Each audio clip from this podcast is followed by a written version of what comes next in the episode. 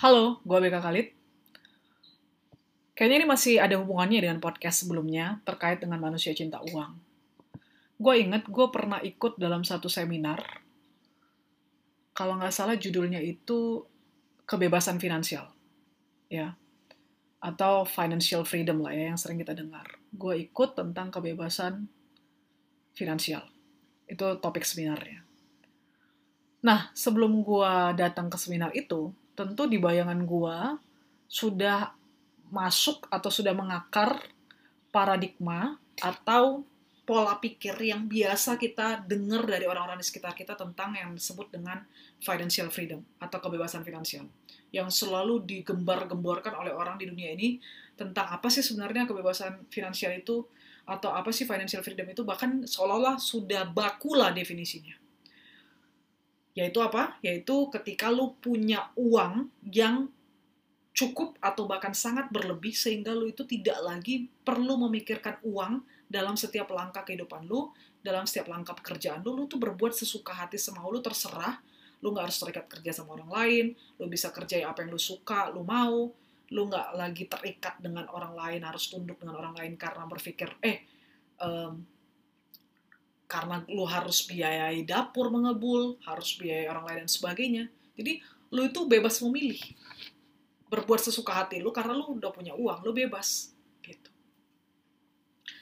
Itu paradigma yang gue dapet, yang gue pahami gitu. Dan mungkin sebagian besar orang di dunia ini juga pahami seperti itu. Makanya berulang-ulang kali kita sering dengar dan banyak banget orang itu yang selalu sibuk mikirin, eh dana pensiun lah, uh, dana investasi ini dan sebagainya gitu. Demi apa? Demi mendapatkan yang disebut dengan kebebasan finansial.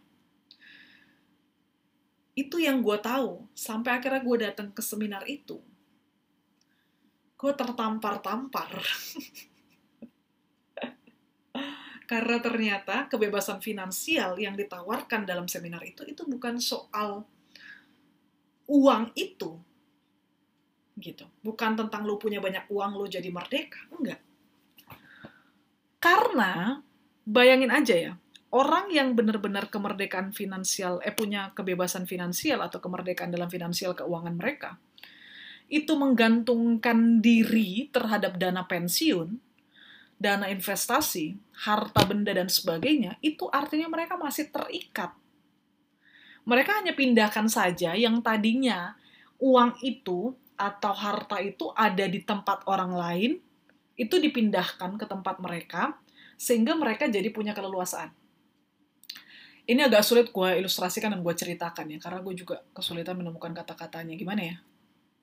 Intinya gini, di dunia ini kita sering banget mendengar dan seolah-olah definisinya udah baku bahwa ini disebut dengan kebebasan finansial atau merdeka dalam finansial keuangan, itu artinya kita udah punya banyak uang sampai yang mungkin kita puluhan tahun ke depan sampai kita pensiun umur 70-80 tahun, kita udah berlimpah uang kita sehingga sekarang kita udah bebas ngelakuin apa pun tanpa khawatir kita makan apa ya hari ini, uh, kita perlu kerja apa ya supaya kita dapat gaji, dapat uang, kita harus ngikutin bos mana, kerja sama orang dan sebagainya gitu. Padahal tanpa sadar, kita itu sebenarnya bukan sedang mendapatkan kemerdekaan, tapi kita itu sedang gini mengikatkan diri kita. Jadi kalau misalnya gini, kalau gue benar-benar terikat dengan uang, misalnya gini, gimana ya gue bingung ya ngomongnya. Uh, kalau lu kerja sama orang lain, mau nggak mau lu harus ngikutin apa kata orang lain itu. Kenapa? Karena kalau misalkan lu nggak ikutin, lu nggak dapet duit. Jadi lu sebenarnya ngikutin dia karena lu pengen dapet duit dari hasil kerjaan lu. Jadi mau nggak mau lu harus kerja, apa pun kerjaan itu yang penting lu dapat duit. Jadi lu terikat kepada pekerjaan itu karena lu ingin mendapatkan duit. Oke? Okay? Nah, sekarang duitnya lu udah dapet. Ya kan? Ibaratnya duitnya itu tadi kan dipegang sama orang lain itu. Bener nggak? Duitnya itu dipegang sama orang lain itu, dan uh, lu akan dapatkan ketika ada barter kan, ada pekerjaan yang lu lakukan. Duitnya ada di orang itu. Lu terikat sebenarnya dengan duit orang itu, tapi karena lu bisa dapat duit orang itu, syaratnya lu harus kerja dengan orang itu, maka lu mengabdi kan kerja dengan orang itu maka lu terikat sebenarnya sama duitnya bener nggak lu ngerasa nyaman ya ketika duitnya itu dipindahin ke lu nah ketika lu kumpulin duit dana pensiun dana investasi segala macam lu tanpa sadar sebenarnya ya udah duitnya itu udah lu pegang Tapi sebenarnya lu masih teri- mengikatkan diri lu kepada duit yang lu pegang. Kalau tadi itu jadi cuma pindah tangan doang. Tadinya itu di tangan orang lain, sekarang ada di tangan lu. Tapi sama-sama, lu masih terikat dengan duit itu. Ya, jadi lu belum merdeka sebenarnya secara duit itu. Kalau duit itu dana pensiun itu tiba-tiba hilang, karena di dunia ini bisa terjadi apa aja dalam sekejap, lu pasti kacau lagi. Kalau misalkan nanti eh, dana investasi lu berantakan, lu bisa kacau lagi. Artinya apa? Di seminar itu gue dapatkan pencerahan bahwa ternyata yang disebut dengan kebebasan finansial yang benar-benar freedom, benar-benar bebas sebebas-bebasnya, merdeka semerdeka-merdekanya, atau bebas murni, merdeka murni, itu adalah ketika lu nggak peduli uang lu berapa, yang penting lu bisa makan cukup hari itu. Ya, lu nabung, tapi lu nggak terikat dengan tabungan itu. Kalaupun tabungan itu harus lu lepaskan karena lu disuruh bantuin orang, harus apa lu nggak masalah. Kalau lu harus juga nggak bisa ngumpulin dana pensiun karena lu memang harus bantu orang setiap saat dan semakin banyak uang keluar, yang penting lu bisa makan, lu nggak terikat dengan uang itu. Jadi lu nggak peduli. Mau uang itu ada di kantong lu, di kantong orang lain, yang penting gue bisa makan, gue bisa kerja dan sebagainya, lu tetap nggak peduli dengan uang itu. Jadi kebebasan finansial, kebebasan dalam keuangan yang sebenarnya itu adalah ketika lu benar-benar tidak terikat dengan uang itu.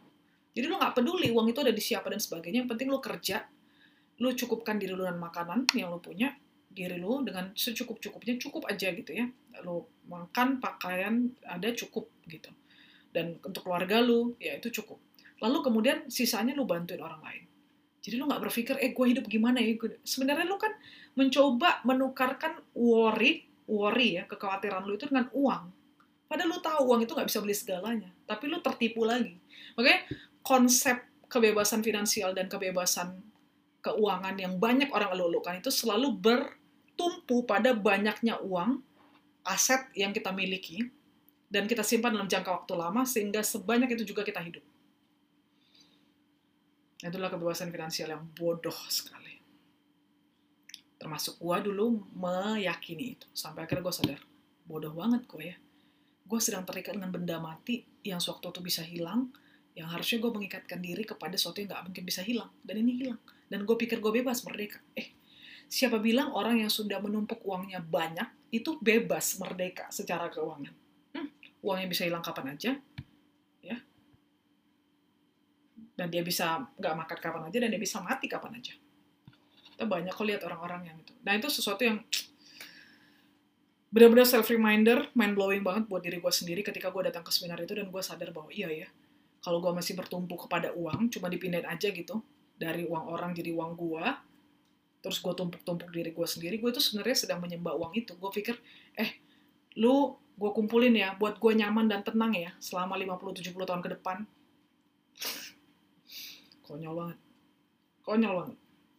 Semoga gue terus ingat ini dalam pikiran gue, supaya gue nggak tidak melakukan itu lagi. Ya, semuanya tetap semangat. Thank you for listening.